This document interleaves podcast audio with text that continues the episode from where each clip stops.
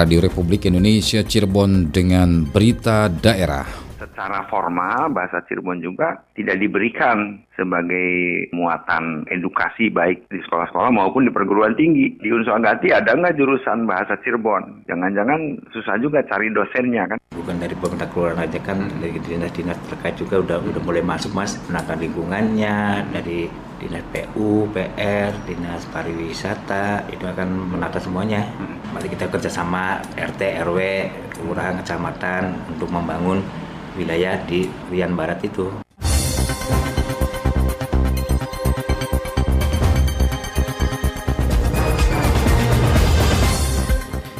Sari Berita Bahasa Cirebon yang mulai jarang dipergunakan dalam komunikasi sehari-hari Kawasan Kampung Batik diharapkan dapat merubah perekonomian warga lebih baik. Bersama saya Iskandar Zulkarnain, inilah berita daerah selengkapnya.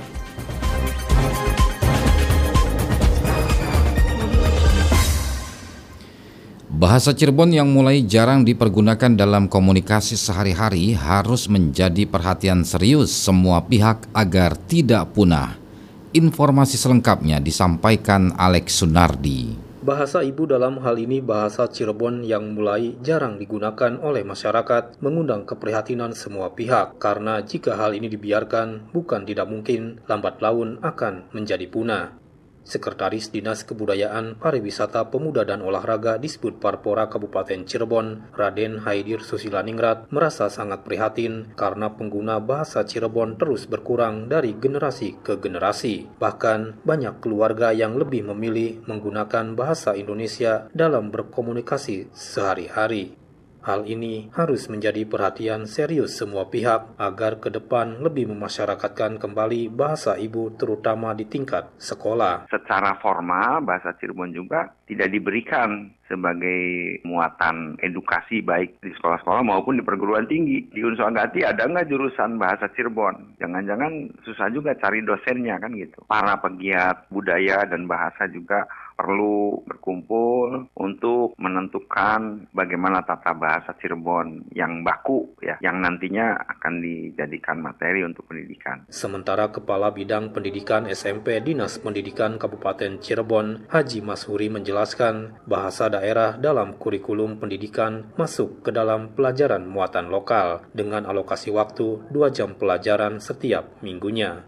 Waktu dua jam pelajaran tersebut dirasakan masih cukup kurang, sehingga untuk lebih memasyarakatkan kembali bahasa daerah, Dinas Pendidikan saat ini sedang mengkaji untuk menerapkan sehari menggunakan bahasa daerah di sekolah-sekolah yang ada di Kabupaten Cirebon. Nanti kita kaji lah kalau perlu sih ada peraturan bupati sehari berbahasa Cirebon lah hari Semis atau hari apa nantilah kita mendorong lagi mengkaji atau menggodok gimana kalau kita bikin peraturan bupati di sekolahan kita terapkan sehari bahasa Cirebon. Jadi pakainya nanti bahasa pengantarnya bahasa Cirebon. Kita lagi mengkaji bisa nggak? Mas Suri berharap dengan berbagai upaya yang dilakukan untuk kembali memasyarakatkan bahasa ibu dalam hal ini bahasa Cirebon akan tetap lestari serta dipergunakan kembali oleh masyarakat dalam berkomunikasi sehari-hari.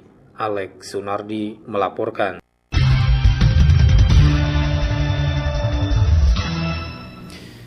Pendengar berikut komentar masyarakat mengenai pentingnya penggunaan bahasa daerah bagi generasi muda yang berhasil dihimpun RRI. Saya Ika, alamat saya dari Ciledug. Tanggapan saya untuk penggunaan bahasa Cirebon di kalangan remaja sangat penting karena untuk melestarikan budaya bahasa Cirebon karena sekarang anak-anak atau remaja banyak menggunakan bahasa-bahasa seperti bahasa-bahasa gaul atau alay. Menurut saya uh, untuk anak-anak atau remaja harus menggunakan bahasa Cirebon karena bahasa Cirebon itu sangat penting untuk melestarikan budaya. Saya berharap untuk ke depannya anak-anak dan remaja menggunakan bahasa Cirebon, tidak menggunakan bahasa-bahasa gaul atau alay.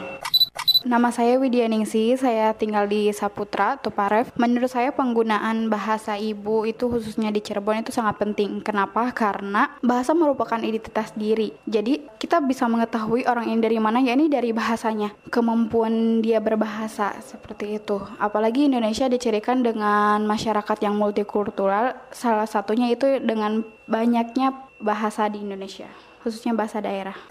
Nama saya Sofia dari Ciledug. Menurut saya hmm, penggunaan bahasa Cirebon harus tetap dilestarikan, terutama bahasa bebasan bahasa Cirebon untuk melestarikan kebudayaan bahasa Cirebon agar tidak punah.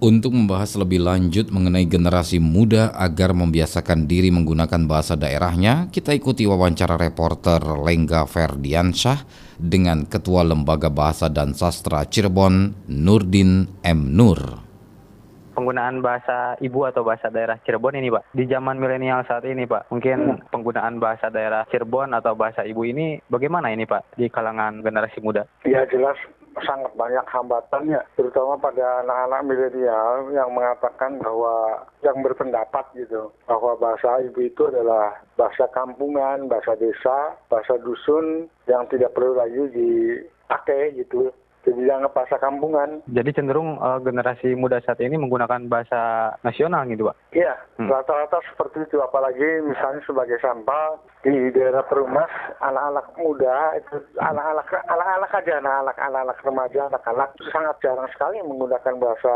ibunya sendiri. Jadi mereka menggunakan bahasa Indonesia rata-rata karena gengsi bahasa Indonesia lebih tinggi ketimbang bahasa daerah yang menjadi hambatan atau kendala bagi generasi milenial saat ini sehingga mengabaikan bahasa leluhurnya sendiri. Pendidikan dari orang tuanya kalau dulu zaman saya kan yang namanya bahasa ibu kan diperkenalkan oleh ibu, hmm. oleh ibu sambil menyusui, sambil menimang, sambil menyanyikan. Sekarang nampaknya nggak diajarkan lagi. Seberapa penting sih Pak penggunaan bahasa Cirebon ini Pak? Ya penting sebagai satu identitas dari satu bangsa, identitas dari daerah itu sendiri. Ya. Seperti kita misalnya uh, orang Sunda, oh ya tahu itu orang Sunda, orang ya. Batak, Batak, orang Padang, hmm. Padang, orang Cirebon. Oh ya si Nurdin ini orang Cirebon gitu ngomongnya begitu. Dialeknya, dari kosakatanya, sebagai identitas satu daerah. Untuk bahasa Cirebon ini, apakah kemungkinan bahasa Cirebon ini akan hilang? Ya, tapi bahasa-bahasa lainnya yang ada di suku-suku Indonesia, bahasa daerah ini kan atau bahasa ibu jumlahnya ribuan. Ya seperti ada catatan di saya sih tinggal beberapa saja. Jadi setiap 10 tahun itu seribu bahasa daerah hilang menurut penelitian lembaga bahasa internasional. Ya. Untuk belajar bahasa daerah khususnya bahasa Cirebon ini memang seberapa sulit? Ya tidak sulit sebenarnya asalkan hmm. Uh, konsekuensi dan apa konsekuensi orang orang tua terutama orang tua kandung yang membimbingnya itu menggunakan bahasa ibu dengan penuh kasih sayang. Hmm. Ya. Jadi eh, namanya bahasa ibu yang saya katakan itu adalah sejak dari ibu yang ibu kan. Pak Nur, mungkin ya. untuk menggeliatkan lagi penggunaan bahasa Cirebon, apa yang harus dilakukan? Pertama adalah political will, kemauan politik dari pemerintah. Sampai sekarang pemerintah daerah kota Cirebon belum membuat perda tentang penggunaan bahasa Cirebon atau bahasa lain seperti bahasa Sunda misalnya gitu kan. Ya kalau Cirebon bahasanya 60% orang Cirebon menggunakan bahasa Cirebon, 40% Sunda ya, ya harus dilaksanakan seperti itu. Jadi hmm. harus ada dua perda atau paling ya satu perda penggunaannya adalah masing-masing terserah dari hmm. rumah tangga masing-masing yang menggunakannya gitu. Ada ada landasan hukumnya dan hmm. kemudian secara konsisten dan konsekuen diajarkan di sekolah-sekolah untuk pelajaran baik bahasa Cirebon maupun bahasa Sunda ini di sekolah kan khususnya di Cirebon uh, sendiri kan sudah ada ini di baik itu di tingkat SD maupun SMP. Apakah pelajaran bahasa daerah ini yang diterapkan di sekolah masih kekurangan uh, untuk jam belajarnya nih Pak Nurdin? Ya jelas masih sangat kekurangan sekali. Jadi terutama hmm. penguasaan dari pengasuhnya atau guru-gurunya. Ini hmm. kan ada banyak guru yang mualaf ya sifatnya mualaf itu misalnya guru bahasa Inggris ngajar bahasa Cirebon, yeah. guru matematika, biologi ngajar bahasa Cirebon itu banyak sekali. Jadi hmm. sayangnya belum ada pendidikan khusus jurusan bahasa Cirebon. Berarti untuk menggeliatkan bahasa Cirebon tergantung dari tenaga pendidiknya juga yang harus memang benar-benar berkualitas ini ya Pak Andri. Iya, hmm. eh, pabriknya gitu kan seperti yeah. sudah dikit kan ada jurusan ada jurusan ya bahasa sudah lancar tapi bahasa Cirebon kan belum ada. Untuk pelajaran di sekolah ini Pak Nurdin, mungkin idealnya berapa jam yang harus diberikan kepada anak-anak didik agar benar-benar penggunaan bahasa Cirebon ataupun bahasa daerah Sunda agar benar-benar bisa diterapkan dan uh, bisa dilaksanakan oleh uh, generasi muda saat ini. Iya, ya tidak usah banyak-banyak lah, cukup dua jam pelajaran setiap minggu, kira-kira seperti yeah. itu sehingga bisa anak-anak bisa konsentrasi terhadap bahasa itu. Ya. Jadi jangan dianggap enteng ini kebanyakan loh bahasa Cirebon Sunda us bisa delak jangan seperti itu. Ya. Ternyata kan bahasa sangat sulit sekali bahasa Eh, apa bahasa lokal itu untuk apresiasinya penelitiannya juga harus mendalam dan sebagainya. Mungkin ada pesan untuk para generasi muda agar mereka tidak malu untuk uh, menggunakan bahasa daerah ini. Pak. Iya, iya supaya membiasakan diri menggunakan bahasa ibu yang baik dan benar. Jangan sampai ungkapan yang tidak senonoh lah yang keluar. Jadi kira-kira misalnya berbicara di warung, di angkot, di mana. Saya biasa menggunakan bahasa Cirebon. Ya kalau misalnya di warung di pasar jadi hal-hal seperti khotbah Jumat atau khotbah di rumah ibadah lain kayak gereja dan sebagainya sebaiknya juga diselingi misalnya sebulan sekali dalam bahasa Cirebon. Baik.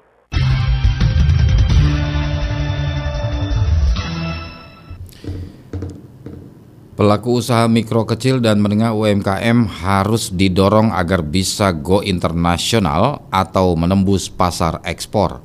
Hal itu ditegaskan Wali Kota Cirebon Dr. Andes Haji Nasruddin Ajis SH usai menerima kunjungan kerja perwakilan Dirjen Asia Pasifik dan Afrika Kementerian Luar Negeri Kemenlu RI.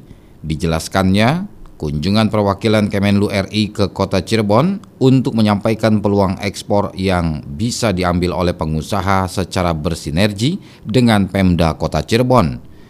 Pendanaannya akan dicairkan solusi maksud kami akan dicarikan solusi dari CSR atau partisipasi kalangan swasta karena tidak mungkin bisa ditutupi dari APBD perubahan.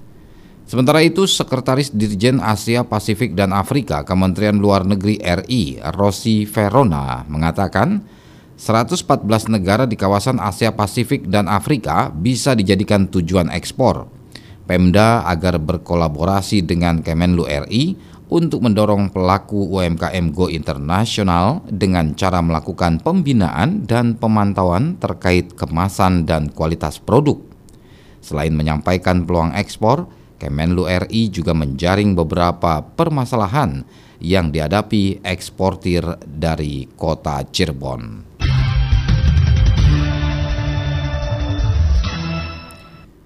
PT KAI Daup 3 Cirebon berikan kejutan hadiah di tanggal cantik 20 02 2020. Laporan selengkapnya disampaikan Aji Satria. PT Kereta Api Indonesia Persero Daerah Operasi 3 Cirebon kembali menyapa pelanggan setiap pengguna jasa transportasi kereta api di tanggal cantik yakni tanggal 20 bulan Februari atau 02 tahun 2020 bekerja sama dengan PT Pegadaian Persero PT KAI Daup 3 Cirebon memberikan hadiah spesial sebanyak 42 untuk para penumpang KA Argo Cirebon yang berulang tahun kemarin. Dan pengguna aplikasi KAI Akses. Kepada RRI, manajer Humas PT KAI Daup 3 Cirebon, Lukman Arif, mengatakan pihaknya memberikan 20 hadiah berupa 5 voucher tabungan emas, 5 voucher DP mulia 5 gram, dan 10 voucher DP emas 5 gram, serta 2 hadiah voucher tiket kereta api dan 20 hadiah merchandise lainnya. Program ini, tanda Lukman, merupakan sinergi antara BUMN dan wujud apresiasi serta terima kasih PT KAI Daup 3 Cirebon kepada para pengguna jasa kereta api. PT KAI Daup 3 Cirebon memberikan hadiah spesial spesial kepada penumpang KA Argo Cirebon, pengguna aplikasi KAI Akses yang sedang menunggu keberangkatan KA di stasiun Cirebon maupun di dalam rangkaian kereta api pada keberangkatan pagi hari kemarin. Ini sebagai program rutin dari kami yang melakukan sapa pelanggan pada pengguna kereta api. Khusus di tanggal cantik ini, tanggal 20.02.20 kami memberikan kejutan kepada mereka yaitu 20 voucher emas dari PT Pegadaian. Kami kerjasama dengan mereka pada penumpang yang ulang tahun di tanggal cantik ini dan yang kedua kepada masyarakat yang melakukan pemesanan ataupun boarding menggunakan aplikasi KAI Akses. Jadi kami kasihkan hadiah istimewa mereka di tanggal cantik ini. Sediakan 20 hadiah emas, 2 tiket kereta api dan 20 goodie bag semuanya kami sampaikan pada penumpang. Jadi total hadiah seperti yang kami sebutkan tadi. Ya tentu saja ini tidak berhenti sampai di sini. Program ini program kelanjutan sebagai apresiasi kami pada pelanggan. Dan mungkin ada event apa lagi nanti kami sampaikan lagi ya. Lebih lanjut, Lukman menuturkan PT KAI akan terus memberikan dan meningkatkan pelayanan terbaik kepada para penumpang setia kereta api dan menghimbau agar penumpang dapat merencanakan pembelian tiket kereta api jauh hari menggunakan aplikasi Kaya Akses. Selain dapat mengakomodir reduksi untuk lansia, TNI, dan Polri, melalui aplikasi Kaya Akses, para pengguna jasa kereta api juga dapat melakukan check-in online. Aji Satria melaporkan.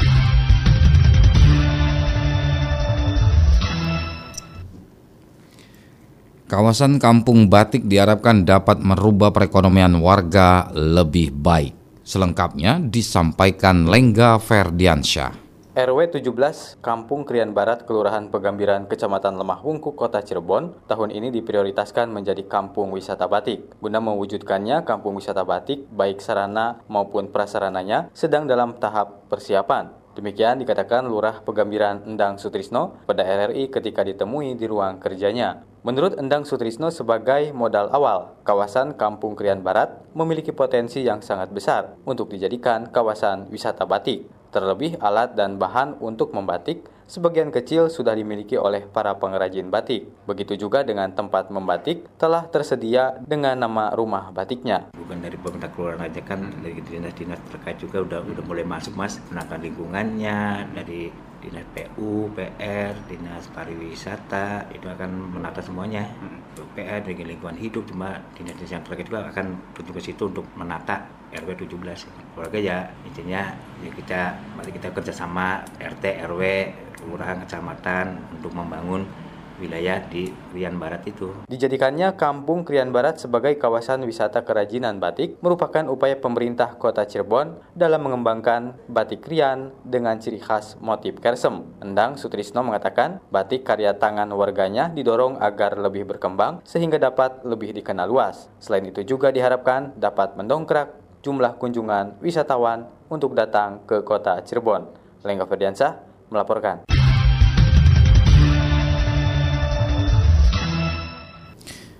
Pemkap Cirebon memberikan bantuan bagi masyarakat korban banjir di wilayah timur Kabupaten Cirebon. Informasi selengkapnya disampaikan Nono Kartono.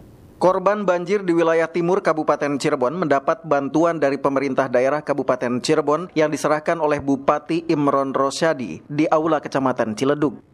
Bupati Imron yang didampingi Ketua DPRD M. Lutfi dan Dandim 0620 Kabupaten Cirebon, Letkol Arhanud Adi Kurniawan, beserta unsur Forkopimda, memberikan bantuan sembako dan alat-alat kebersihan bagi korban banjir. Imron kepada sejumlah wartawan mengatakan banjir merupakan musibah yang tidak bisa dicegah dan meminta masyarakat bersabar dan introspeksi diri dengan musibah yang dialami. Berdasarkan laporan yang diterima, banjir yang terjadi di Kecamatan Ciledug diakibatkan karena klep saluran air yang rusak dan hilang dicuri, sehingga meminta kepada pihak yang terkait untuk segera diperbaiki agar bisa meminimalisir terjadinya banjir. Ternyata di sini ada klep yang ada yang ambil oleh orang. Biasanya kan kalau sudah air banyak dari sungai kan nutup gitu. Nah ternyata klepnya ada yang mencuri sehingga air itu dari sungai masuk ke solokan langsung ke masyarakat. Nah kami ingin nanti itu dari BPD kalau bisa itu dibuatin lagi aja. Klep. Tapi nanti masyarakat harus bisa jaga klep iya, itu. Iya, Jangan sampai hilang lagi. Sementara Camat Ciledug Solihin menuturkan, banjir merendam desa Ciledug Wetan, Ciledug Kulon, dan Jati Sayang Kidul dengan jumlah rumah yang terendam lebih dari 300 unit. Banjir yang hampir setiap tahun melanda di Kecamatan Ciledug membuat warga menjadi trauma, terlebih akibat banjir bandang pada tahun 2018 yang cukup besar.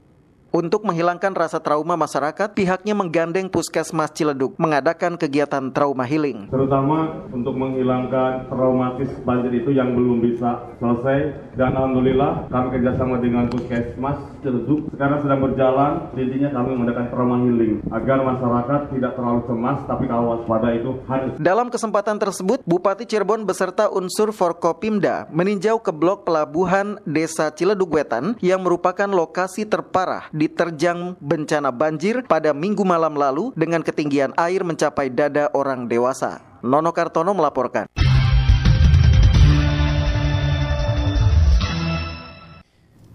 Saudara kini saatnya kami sampaikan berita olahraga. Berita olahraga. Berita olahraga. Invitasi atletik pelajar yang menjadi ikon pengcap Persatuan Atletik seluruh Indonesia PASI Kabupaten Cirebon menurut rencana akan digelar mulai tanggal 25 hingga 28 Februari mendatang. Invitasi atletik pelajar yang tahun ini memasuki edisi ke-16 masih tetap akan mempertandingkan nomor lari, lempar, tolak, dan nomor lompat baik untuk tingkat SD, SMP maupun SMA. Untuk edisi tahun ini ada penambahan nomor pertandingan di lari estafet yakni mempertandingkan nomor estafet mix atau campuran 4 kali 100 meter. Sekretaris Umum Pengcap Pasi Kabupaten Cirebon Budi Bahtiar kepada RRI mengatakan pertandingan nomor lari estafet campuran mengacu pada perlombaan tingkat nasional dan internasional yang mulai sering diperlombakan. Nomor perlombaan baru ini bisa menjadi penentu dalam perebutan gelar juara umum dan persaingan pada tahun ini akan semakin lebih ketat dari tahun-tahun sebelumnya.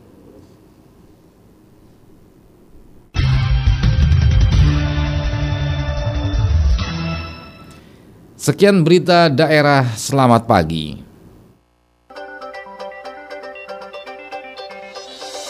Terima kasih anda telah mengikuti berita daerah dari Radio Republik Indonesia Cirebon.